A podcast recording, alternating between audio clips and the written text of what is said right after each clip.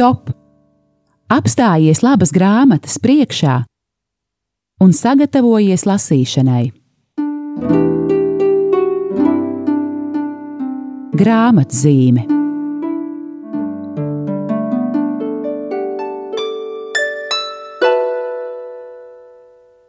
Lai slavēts Jēzus Kristus, esiet sveicināti, mīļie radio Marija klausītāji, mīļie raidījuma grāmata zīme klausītāji. Apsveicu jūs ar jauno sezonu. Arī šajā sezonā pie jums reizi divās nedēļās, trešdienās, pulksten vienos, nāks raidījums grāmatzīme kurā arī šogad runāsim par jaunām grāmatām, kas iznākušas vai iepriekš uh, iznākušām, bet tajā brīdī aktuālām grāmatām. Un ceru uz jūsu klausīšanos, eh, ceru uz jūsu atsaucību pēc tam šīs grāmatas lasot, jo tas ir šīs grāma, šīs, eh, šī raidījuma, tā ir šī raidījuma misija - ieinteresēt un pulcināt jaunus lasītājus labām grāmatām.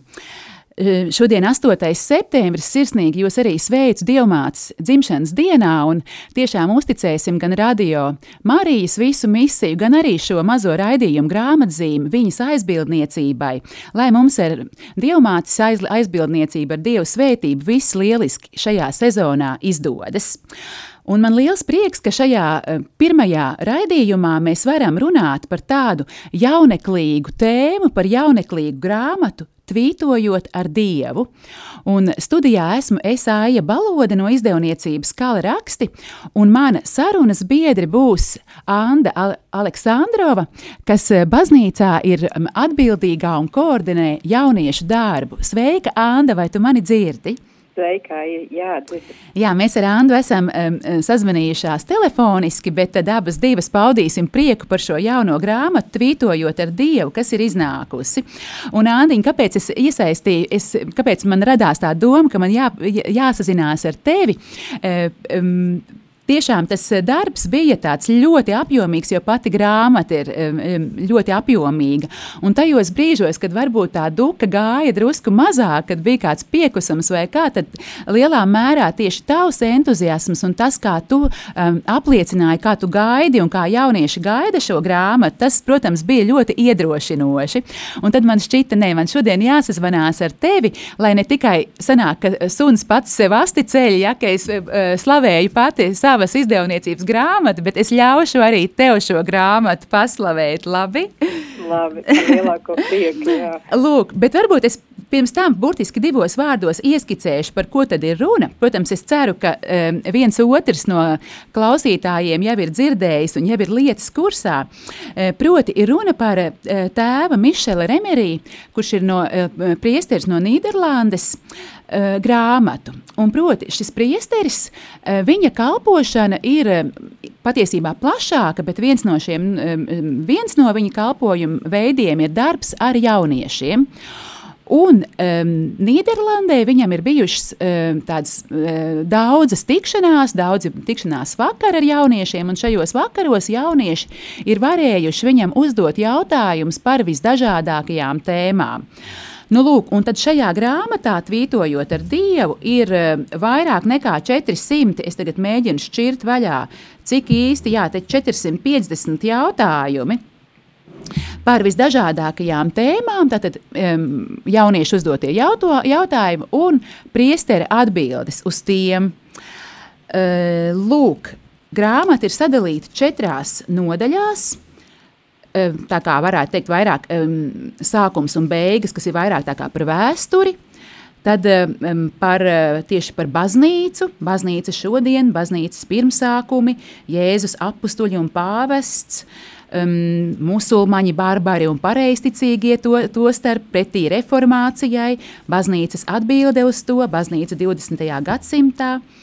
Tad trešā daļa - jautājumi par tevi un Dievu, lūkšana un sakramenti – Lūkšanas veidi, tradīcijas, baznīcas ēka, liturģija, sakramenti, uzsvērts evaharistijas sakraments un tā tālāk. Un ceturtā daļa - jautājumi par kristīgo dzīvi, ticību un ētika. aicinājums dzīvojot kristieša dzīvi, aicinājums uz svētumu, arī seksualitāte, cilvēka dzīvība, arī tādas ar ētiku saistītas tēmas kā mākslīga apaugļošana, embrija, klonēšana, tad dzīves noslēgums, sabiedrība un kopiena. Lūk, tik daudz, lai ieskicētu par to, ka tiešām e, e, tik ļoti e, bagāts ir šīs grāmatas e, materiāls. Lūk, bet es esmu tagad savā monologā aizrāvusies, mīļā Anda, kas tev ir sakāms uz to, ko dzirdēji un ko es aizmirsu pateikt, ko tu gribi pateikt no savas puses? Nu jā, no savas puses es varu pateikt pavisam vienkārši, ka tā grāmata ir atbilde laikam uz manām lūkšanām un jautājumiem, kas man bija 15 gadu vecumā, un, uh, un īstenībā tie jautājumi jau nekur nav pazuduši. Um, tad, kad es uzzināju, man bija iespēja runāt ar tēvu Remeriju sava darba sakarā, uh, un viņu pirmo reizi sastapt, man tiešām likās, ka viņš ir ļoti tāds harizmātisks cilvēks, kas, nu, kas tik tiešām jauniešus var vest pie Dieva, kas ar savu aizrautību un tādu vienkāršo valodu spēja visu vienkārši paskaidrot. Arī tā saruna mums bija tāda ļoti vienkārša. Es neteikšu, ka es jutos, ka es runātu ar tādu priesteri, kas braukā vairāk vai mazāk visā pasaulē un ir pazīstams un, un izdod šīs grāmatas ļoti daudz un strādā, strādā tādā ļoti nozīmīgā darbā. Viņš bija tik vienkāršs un saprotams. Um, un arī tāda ir šī grāmata, Tweeting with God īstenībā. Uh, jau tad, kad, tad, kad es izdzirdēju to nosaukumu, tvītojot tas Dievu, man likās tas tā ļoti drosmīgi ir. Bet arī tas viņa ievads par to, ka šī grāmata ir nedomāta ne tikai jauniešiem, kam ir, nu jā, varbūt 13 uh, gadi, sākot no 13 gadiem, bet arī pieaugušiem, kas nav pagūši tās atbildes savā jaunībā izdzirdēt, vai arī kuriem pašreiz ir šie jautājumi. Nu, tāpat viņa arī ir tiešām lieliska dāvana. Vecāki var dāvināt viņu bērniem un vecāki saviem mazbērniem. Man liekas, ka tas ir vienkārši uh, lieliska dāvana tādā ziņā, ka uh, mazbērni noteikti to nebūtu gaidījuši no saviem vecākiem. grāmata, kas runā tik ļoti brīvi par visām šīm lietām, kas arī sniedz tās atbildes. Jā, es arī varu to apliecināt. Starp citu, arī tieši uz grāmatas vāka skatos, ir tāda atzīme lasītājiem vecumā no 9 līdz 99 gadiem. Lūk, bet jā, ka, mums patika, Aglonā mēs bijām uzlikuši tādu tā kā, piezīmi, ka tas ir jauniešiem visos vecumos. Nu, galvenais, lai tā sirds vēl ir jauna, ka tu joprojām uzdod jautājumus un tev kaut kas interesē. Bet es vēl gribēju tieši par aglonu atceroties, jo tad tiešām grāmata bija svaigi iznākusi un mēs viņu tā kā prezentējām šiem svētku um, apmeklētājiem un, un, un dievlūdzējiem. Un bija tāds ļoti jauks man kompliments, e, tā, tāda nu, gadījums kompliments. Bija tā, ka 14. datumā e, kāda kundze nopirka šo grāmatu. Un 15. augustā no rīta tā kundze atnāca kopā ar savu draugu. Un tā draudzene, un viņām abām bija, nu, teiksim, tā, kaut kur ap gadiem 60, nu, tā es plus mīnus lēšu. Un uh, atnāca šī draudzene un teica, es vakar pašķirstīju ļoti interesantu grāmatu. Es arī vēlos iegādāties. Un tas man šķita tā ļoti jauki, ka tiešām, eh, jā, it kā izdevums jauniešiem, bet patiešām tas ir izdevums jauniešiem visos vecumos, proti visām jaunajām, eh, joprojām meklējošajām, atvērtajām sirdīm. Lūk, jā, varbūt darīsim tā, lai tagad ieskanās kāda maza mūzikas pauzīte, uh, ievilksim tikmēr elpu, un tad turpināsim eh, mūsu raidījumu, mūsu sarunu, un arī, protams, kaut ko no grāmatas nolasīsim. All you heavens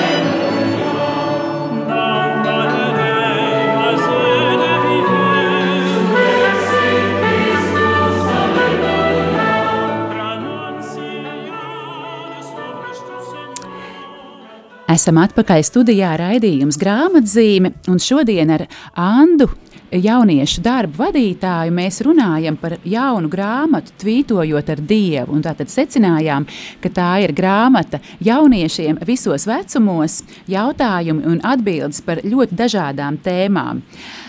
Anda, varbūt, ja es jautātu tev, kas ir tā nodaļa vai tas jautājums, vai pirmkārt, vai tu vispār esi paspējusi jau grāmatu izlasīt? Man jājautā tā. Jāsaka, ka visu grāmatu es neesmu paspējis izlasīt. Es tev arī nu... saprotu, jo tiešām grāmata jā. ir ļoti apjomīga. Jā. jā, tur ir gandrīz 450 lapas puses, un es esmu viņu izšķirtījusi, es esmu iepazinusies ar tām sadaļām, un, un uh, es esmu patiesībā arī iedevusi meitai apskatīties, man vajadzēja tādu nelielu palīdzību jautājumā par to, kuri jautājumi viņai šķistu interesanti. Viņai ir 13 gadi. Es viņai lūdzu atzīmēt piecus jautājumus no visa satura, kas viņai liekas. Ah, cik interesanti! Un ko viņa atzīmēja? Nu, viņa atnesa šo grāmatu man atpakaļ. Viņa teica, es atzīmēju nedaudz vairāk par pieciem, o, kas man interesē. Laba zīme, jā. jā būtu, būtu bēdīgāk, ja viņi teikt, nu, piecas jautājumus es no tiem 450 nevarēju atrast. Man tur divi tikai interesēja. jā, jā, jo, jo tiešām šie jautājumi ir tādi ļoti vienkārši, nu, piemēram, kas notiek, kad mēs nomirstam. Vai, ja Dievs ir visvarens, kāpēc notiek katastrofas un kāpēc pastāv ļaunums. Un, nu, tādi ļoti skaidri tie jautājumi ir, vai Jēzus bija pret sievietēm. Nu, tādi, mm, tādi, teiksim, gan mūžības jautājumi, gan arī, protams, tie, kas pusauģiem var rasties, bet arī mums pašiem. Kāpēc man būtu jātic Dievam vai, vai varētu būt tā, ka ir tikai viena patiesība? Nu, visi šie jautājumi, jā, kas patiesībā ik pa laikam, ik pa laikam rodas cilvēku prātos. Jā, tā tas tiešām ir es arī īstenībā gribēju kaut ko nolasīt uh, klausītājiem, un patiesībā sakot, tā, tā izvēle ir ārkārtīgi sarežģīta, jo tiešām tas uh, materiāls ir tik plašs, nu ko lai nolasa. Bet, piemēram, vienu piemēru es, uh, man tā vienkārši uzšķīrās. Ja? Jautājums, vai tas nav nekristīgi, ka baznīca ir tik bagāta? Šo mēs esam bieži dzirdējuši, vai ne? Un te man šķiet, tajā atbildē arī parādās uh, tēva Mišela Remerī tāds, tāda mīlestība mīlestība pret baznīcu. Un ko viņš saka? Mēdz teikt, ka baznīcai vajadzētu pārdot savu īpašumu un atdot naudu trūcīgajiem. Pati par sevi tā ir skaista doma, bet vai ir iespējams novērtēt baznīcas bagātību naudas izteiksmē? Vislielākā bagātība, kas baznīcai ir, tā ir ticība. Jēzus vēlas, lai ik viens viņam ticētu. Baznīca dara visu, ko spēja, lai īstenot šo vēlēšanos, un šajā procesā tā izmanto visus pieejamos līdzekļus. Un tad virsrakstīns - naudā neizmaināmā bagātība. Vatikānā to atradīsi dažus no pasaulē slavenākajiem mākslas darbiem, Tēvs Remerija turpina rakstīt. Svētā Pētera bazilika, Siksta kapela, Michelangelo pieta, kā arī Rafaela freskas un citi slaveni mākslas darbi, kas atrodami Vatikāna muzejos, ir tik daudz, kā ko vēl vajadzētu pieminēt. Vatikāna biblioteka glabā ļoti senus un antīkus manuskriptus, kuros glabājas vērtīga vēsturiska informācija. Tās ir tikai dažas no, no nozīmīgākajām rietumu kultūras mantojuma kolekcijām. Tāpat kā Luvrai Parīzē vai Britu muzejam Londonā, Arī Vatikānam ir pienākums saglabāt šo mantojumu nākamajām paudzēm un darīt to pieejamu šobrīd. Visas šīs bagātības ir nenovērtējamas. Tās nekad nebūtu iespējams adekvāti novērtēt naudas izteiksmē, tāpēc ir neiedomājami tās pārdot par naudu. Ir neiedomājami, ka pāvests varētu pārdot Svētā Pētera vai Vatikāna muzejus, kuri starp citu Vatikāna bilancē parādās ar viena centa vērtību. Pāvests pārvalda šos dārgumus mums un nākamajām paudzēm. Tas pats attiecas arī uz biskupiem, kuri pārauga baznīcas īpašumus visā pasaulē. Lielākā daļa no šiem īpašumiem pašlaik tiek izmantoti kā baznīcas, skolas, slimnīcas un tā tālāk. Visbiežāk minētajām iestādēm šie baznīcas īpašumi ir ļoti nepieciešami, un tie nav naudu pelnoši baznīcas aktīvi. Patiesībā ir tā, ka šo īpašumu uzturēšanai ik gadus tiek tērēti lieli līdzekļi. Un tā tālāk. Nu, proti, es domāju, ka te ieskanas arī tas, ka tiešām cik, um, jā, um, un tā par ļoti dažādām tēmām tēvs uh, Remerī raksta, um, uh, bieži vien, kā piemēram šajā gadījumā, manuprāt, arī tā skaisti pavēršot to jautājumu pilnīgi tādā citā virzienā, nekā varbūt kāds skeptisks jaunietis bija viņam paprasījis, ja? bet, bet viņš to tā pagriež ar tik lielu cieņu un arī parāda tiešām šo, šo lielo arī baznīcas misijas darbu un, un um, maz, baznīcas nozīmīgumu. Lūk, e, Un tad vēl ko par, par šo pašu e, jautājumu, par ikvienu jautājumu. Tā grāmatas struktūra ir tāda, ka tad ir šis lielais jautājums, tad ir šis tēva e, remerītāts izvērsts teksts, bet katras nodaļiņas stūrī ir tāds tā kā zils laukumiņš ar putniņu, kas tiešām atgādina tādu tvītu Un, un, piemēram, uz šo jautājumu atbilde ir tāda: Svētā krēsla un Vatikāna budžets ir mazāks nekā daudzām citām valstīm. Visā pasaulē baznīca ziedo daudz naudas labdarībai. Tā īsi un konkrēti. E, lūk, Anna, vai tu arī vēlies kaut ko no grāmatas nolasīt, vai varbūt saviem vārdiem pateikt par kādu atbildi, ko tu gribētu izcelt? Jā, es varbūt kādu vienu mazu, mazu teikumu. E, man arī līdzīgi kā tev nejauši atšķīrās jautājums, kā ir jāpavada laiks adorācijā. Un tas man tā sirdī uzrunāja, ka es patiesībā radu atbildi par to, kā ir jāpavada laiks adorācijā un ka ir tāda klusuma adorācija. Manuprāt, man jau bija vairāk par 30 gadiem, kad es vispār to uzzināju. Un, manuprāt, ļoti daudz zaudēju visu šo gadu laikā. Un um, šeit ir tāds teikums jā, par adorāciju, ka viss, kas tev ir jādara, ir vienkārši jāpaliek klusumā, Jēzus klātbūtnē. Nekas cits nav svarīgs tā ir klusā adorācija. Un tad vēl kāds teikums, mēs varam parādīt Jēzum savu mīlestību, vienkārši raugoties uz viņu un esot kopā ar viņu. Tas ir ļoti personisks un intīms tikšanās veids ar Jēzu.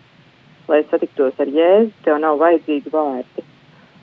Un lasot šos vārdus, es atcerējos pirmkārt savu pieredzi, domāju par to, kā mēs varam skatīties, raugot, raudzīties ar mīlestību vienkārši. Un es kaut kā atmiņā attēlos brīdis, kad man pirmais bērns piedzima, un es atceros, ka es uh, burtiski varēju gulēt stundām, uh, skatoties uz viņu mīlestībā un neko nesakot, neko nedomājot, neko neplānojot, vienkārši tādā mīlestības telpā, tādā mīlestības stāvoklī, tik ļoti mīlot. Un, man liekas, ka šeit ir lieliski padomi arī, es saku, gan jauniešiem, gan arī pieaugušiem, jo, kā es minēju, es par adorāciju arī uzzināju jau pēc 30 gadiem, kāda ir šī klusa adorācija, ka mums nav nemitīgi jārunā, jālūdz dievam, jāsaka visi savi jā, lūgumi. Uh, un, un, un, jāizkliedz savas sāpes vai, vai savi prieki, bet mēs vienkārši varam klusēt un tajā piedzīvot daudz vairāk. Un sirdī tā teikt, sadzirdēt tās atbildes, ko Dievs mums arī saka. Jā, paldies, Anna, par to, ka tu izcēli tieši šo jautājumu. Lūk, labi, lai tad varbūt ieskanas vēl viena mūzikas pauzīte. Man blakus ir Aija, avotiņa, jaunā radio Marijas dvēsele un darbiniece. Aija man rāda, ka viņa ir atradusi visu jēzumu, kolosālu dziesmu. Tieši tikko par adorāciju runājām, kā mēs varam veltīt laiku jēzuma adorācijā, lai tad arī iet maza dziesmiņa visu jēzumu, un tad būsim atpakaļ sarunā.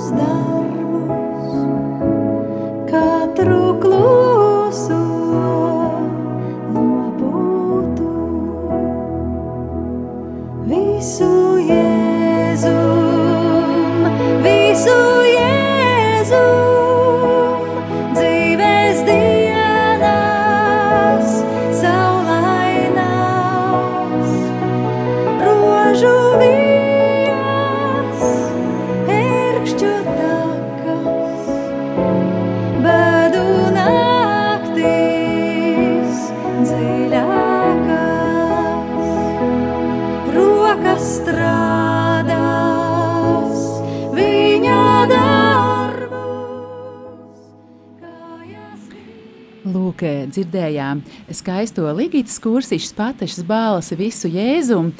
Es ceru, ka arī šī grāmata, jaunā tvītojot ar Dievu, par kuru mēs šodien raidījumā runājam, ka tā arī e, tiešām sagādā jēzumu prieku, jo tā, es ceru, ved tuvina viņam e, jauniešus, un kā jau mēs te nospriedām, jauniešus visā vecumā atvērtas sirdis. Anda, šeit dziesmas laikā mums ar Aiju radās tāds jautājums, ka tev ir arī pieredze ar jauniešiem darbā, proti, piemēram, oāzes nometnēs vai citādi, un es pieļauju, ka tur jaunieši tev ir uzdevuši dažādus jautājumus. Un tad tas jautājums būtu tāds, vai tu atrodi šajā grāmatā šos jautājumus un atbildes uz šiem jautājumiem, ko jaunieši uzdod? Nu, jā, viennozīmīgi. Es varu izstāstīt arī par pēdējo nometnes pieredzi. Mums tik, tikko noslēgusies Roāze augusta pēdējā nedēļā. Viņi bija tiešām lieliski, daudz tādu brīnumaini um, dievu pieskārienu tur notika, un, uh, un bija mums 40 jaunieši, kas bija lielisks, uh, lielisks pulks, un, un sešas dienas kopā pavadītas, un uh, katru dienu mums bija arī tādas lekcijas, interesantas, uh, šoreiz tēma bija pasaules radīšana. Uh, Un viena no pēdējām tēmām bija par cilvēku identitāti. Tas ir jautājums, kas dotajā brīdī ļoti aktuāls jauniešiem, un arī daudz vecāki par to ir diezgan satraukti. Es esmu saņēmusi arī vairākus vecākus zvanus, kas jautā, jo šī pasaulīgā informācija diezgan, diezgan ātri nāk mūsu bērnu un jauniešu prātos, un patiesībā viņi nedaudz tiek jaukti. Un tās ģimeniskās vērtības, kas agrāk likās nemaz neapgāžamas, tad dotajā brīdī viņas tiek teiksim, šūpotas no dažādām pusēm un dažādiem vējiem. Lūk, un tad šī lekcija par cilvēku identitāti, kur mums lasīja Jānis Meņikovs, bija lieliska, un, un tur bija arī jautājumi, protams, par seksualitāti, un jaunieši klausījās, visi, nevienam nenāca miegs, un visi uzdeva desmitus jautājumu dažādus. Un pacēlās, protams, šis jautājums arī par, par homoseksualitāti un par, jā, par šo identitāti, ko es minēju. Un man bija jā, šī grupiņa, grupiņa vēlāk šī dalīšanās, eh, un, un šie jaunieši bija tādi apjukuši, teiksim, viņiem tiešām ir šie jautājumi neskaidri, viņi nesaprot, jo viss tas, ko viņi redz YouTube vai TikTokos eh, vai citos pasaulīgos eh, masmēdījos, tad viņiem runā par ko citu. Un ja ģimenē nav pieņemts runāt par to, un arī baznīcā varbūt ne tik bieži sprediķos mēs par to dzirdam, tad viņiem šie jautājumi paliek atvērti, un viņi nesaprot, kādēļ kādēļ baznīca brīžiem saka, ka tomēr laulības starp sievieti un vīrieti ir vienīgā atzīstamā laulība un tam līdzīgi. Tad šeit ir šie jautājumi, un šeit ir diezgan skaidri paskaidrots. Un šeit nav, um, šeit nav pretrunas starp Dievu, kas ir visu mīlošs un visu pieņemošs, starp, starp visiem šiem jautājumiem. Man liekas, ka tas ir jau vien ļoti liels iegūms gan vecākiem, kā gudri runāt ar saviem bērniem, neieļaunojot viņus gan arī pašiem bērniem izprast, tiešām ar atvērtām sirdīm lasīt un saprast un ieraudzīt, kāds ir Dieva plāns, radot vīrieti un sievieti un vēlāk viņiem radot bērnus. Jā, es tev piekrītu. Jā, paldies arī, ka tu par šo tēmu ierunājies. Starp citu, ļoti interesanti ir tā, ka šo te, tātad, grāmatu jau gatavojot, bija divi jautājumi, par kuriem uh, tēvs Mišels Remerī atsūtīja tā kā, uh, tā, tādu tā kā, nu, atgādinājumu vai uzsvēra, ka šie divi jautājumi ir mainījušies. Un viens no atbilde uz šiem jautājumiem ir mainījusies. Proti, ne jau pati atbilde, bet varbūt uzsvars, kā par šo jautājumu ir, tie, ir runāts. Un viens no šiem jautājumiem, starp citu, bija tieši kāpēc baznīca ir pret vienzimuma laulībām. Un šeit ir tā atbilde ļoti, eh, arī ar lielu mīlestību paskaidrota. Eh, bet eh, tas, kas man ļoti uzrunāja, ka tā pirmā atbilde, kas bija iepriekš publicēta uh, grāmatā, uh, tās pirmajos izdevumos, tur bija citāti no vecās derības, kur ir tā kā par grēku, par to, ka, ka, um, ka tas ir grēks, un, un tā, tā, tiešām tāds tas grēka moments uzsvērts. Un savukārt šajā grāmatā, tajā jaunajā atbildē, ir vairāk, ja es drīkst nolasīt, ja, kad, kad uh, atbilde uz jautājumu, kāpēc baznīca ir pret vienzimumu laulībām, tā sākas šādi. Kad pāvestam Franciskam provokatīvā veidā tika uzdots jautājums par kādu sabiedrībā zinām, par kādu sabiedrībā zinām homoseksuālu cilvēku, viņš atbildēja: Sakiet man, kad Dievs skatās uz homoseksuālu cilvēku, Vai viņš ar mīlestību apstiprina šī cilvēka eksistenci, vai arī atraida un nosoda šo personu? Pāvests atgādināja, ka Dievs mīl ikvienu, lai kādas būtu šī cilvēka cīņas. Lūk, un tālāk viņš tur, tur, turpina autors. Izjust, izjust homoseksuālas jūtas pats par sevi nav grēks. Tas vienkārši ir fakts, ka ir vīrieši un sievietes, kurus pievelk savu dzimumu cilvēki. Lai gan ne visi pārdzīvo šīs īpašās jūtas, mēs visi cīnāmies ar savām seksuālajām vēlmēm, bet mūsu pašu labā mums nav vienmēr jārīkojas saskaņā ar šīm vēlmēm un tā tālāk mīlestība un baušļi, līdzjūtība nemaina patiesību vairākas, un tad tālāk viņš izklāsta šo jautājumu. Un tajā mazā tvīta lodziņā atbilde ir tā kā um, īsi konspektēts šādi. Ik viens cilvēks, vienalga homoseksuāls vai heteroseksuāls, ir dieva mīlēts un laipni lūgts baznīcā un tomēr vienzimuma laulības nav iespējams tādēļ, ka tās ir pretrunā seksualitātes jēgai un mērķim. Bet, lūk, kā to uh, autors izklāsta plašāk, tad tas jau jums jālasa pašiem grāmatā.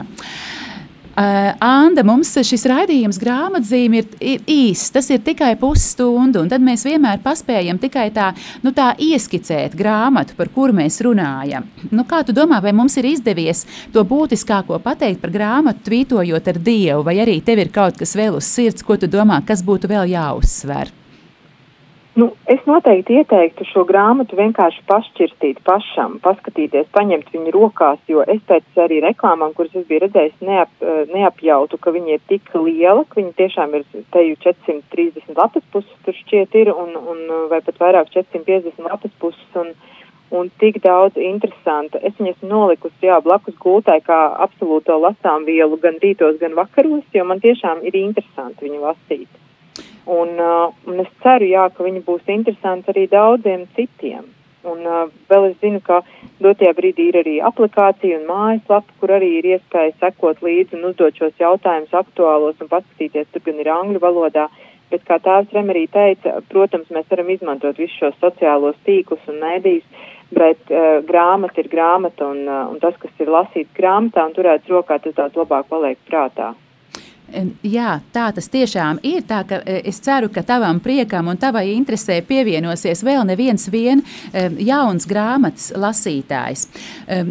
Ko tad, ā, vēl viena lieta, ko es vēlējos uzsvērt, un arī ar tādu lielu pateicību. Man liels prieks, ka atsaucās e, četri, visi četri, e, visu četru diecēžu bīskapi, un katrai no nodaļām ir, ir tādi nelieli, bet ļoti saturīgi bīskapu ievadvārdi.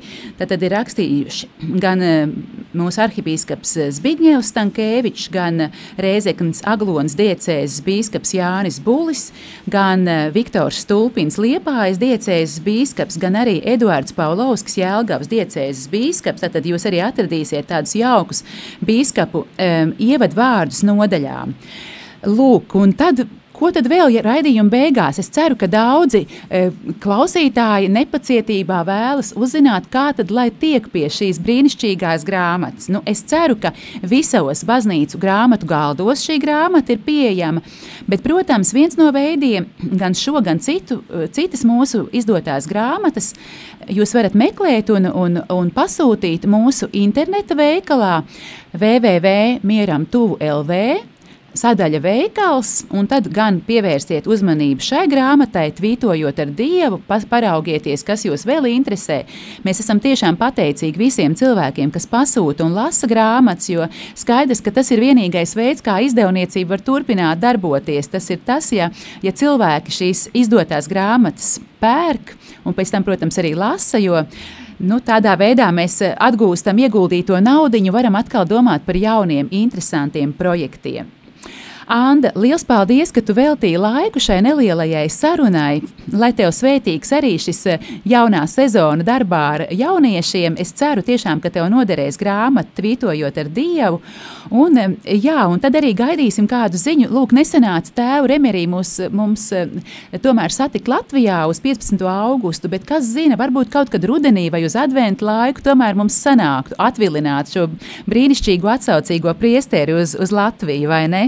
Jā, tieši tā. Paldies, Aija un otrā Aija. Paldies par jūsu zvanu. Jūs esat lielisks un, un darat ļoti svētīgu darbu. Paldies! Paldies, to. Anda! Un paldies klausītāji par uzmanību, lai jums jauka diena turpinās un tiekamies pēc divām nedēļām atkal raidījumā grāmatzīme.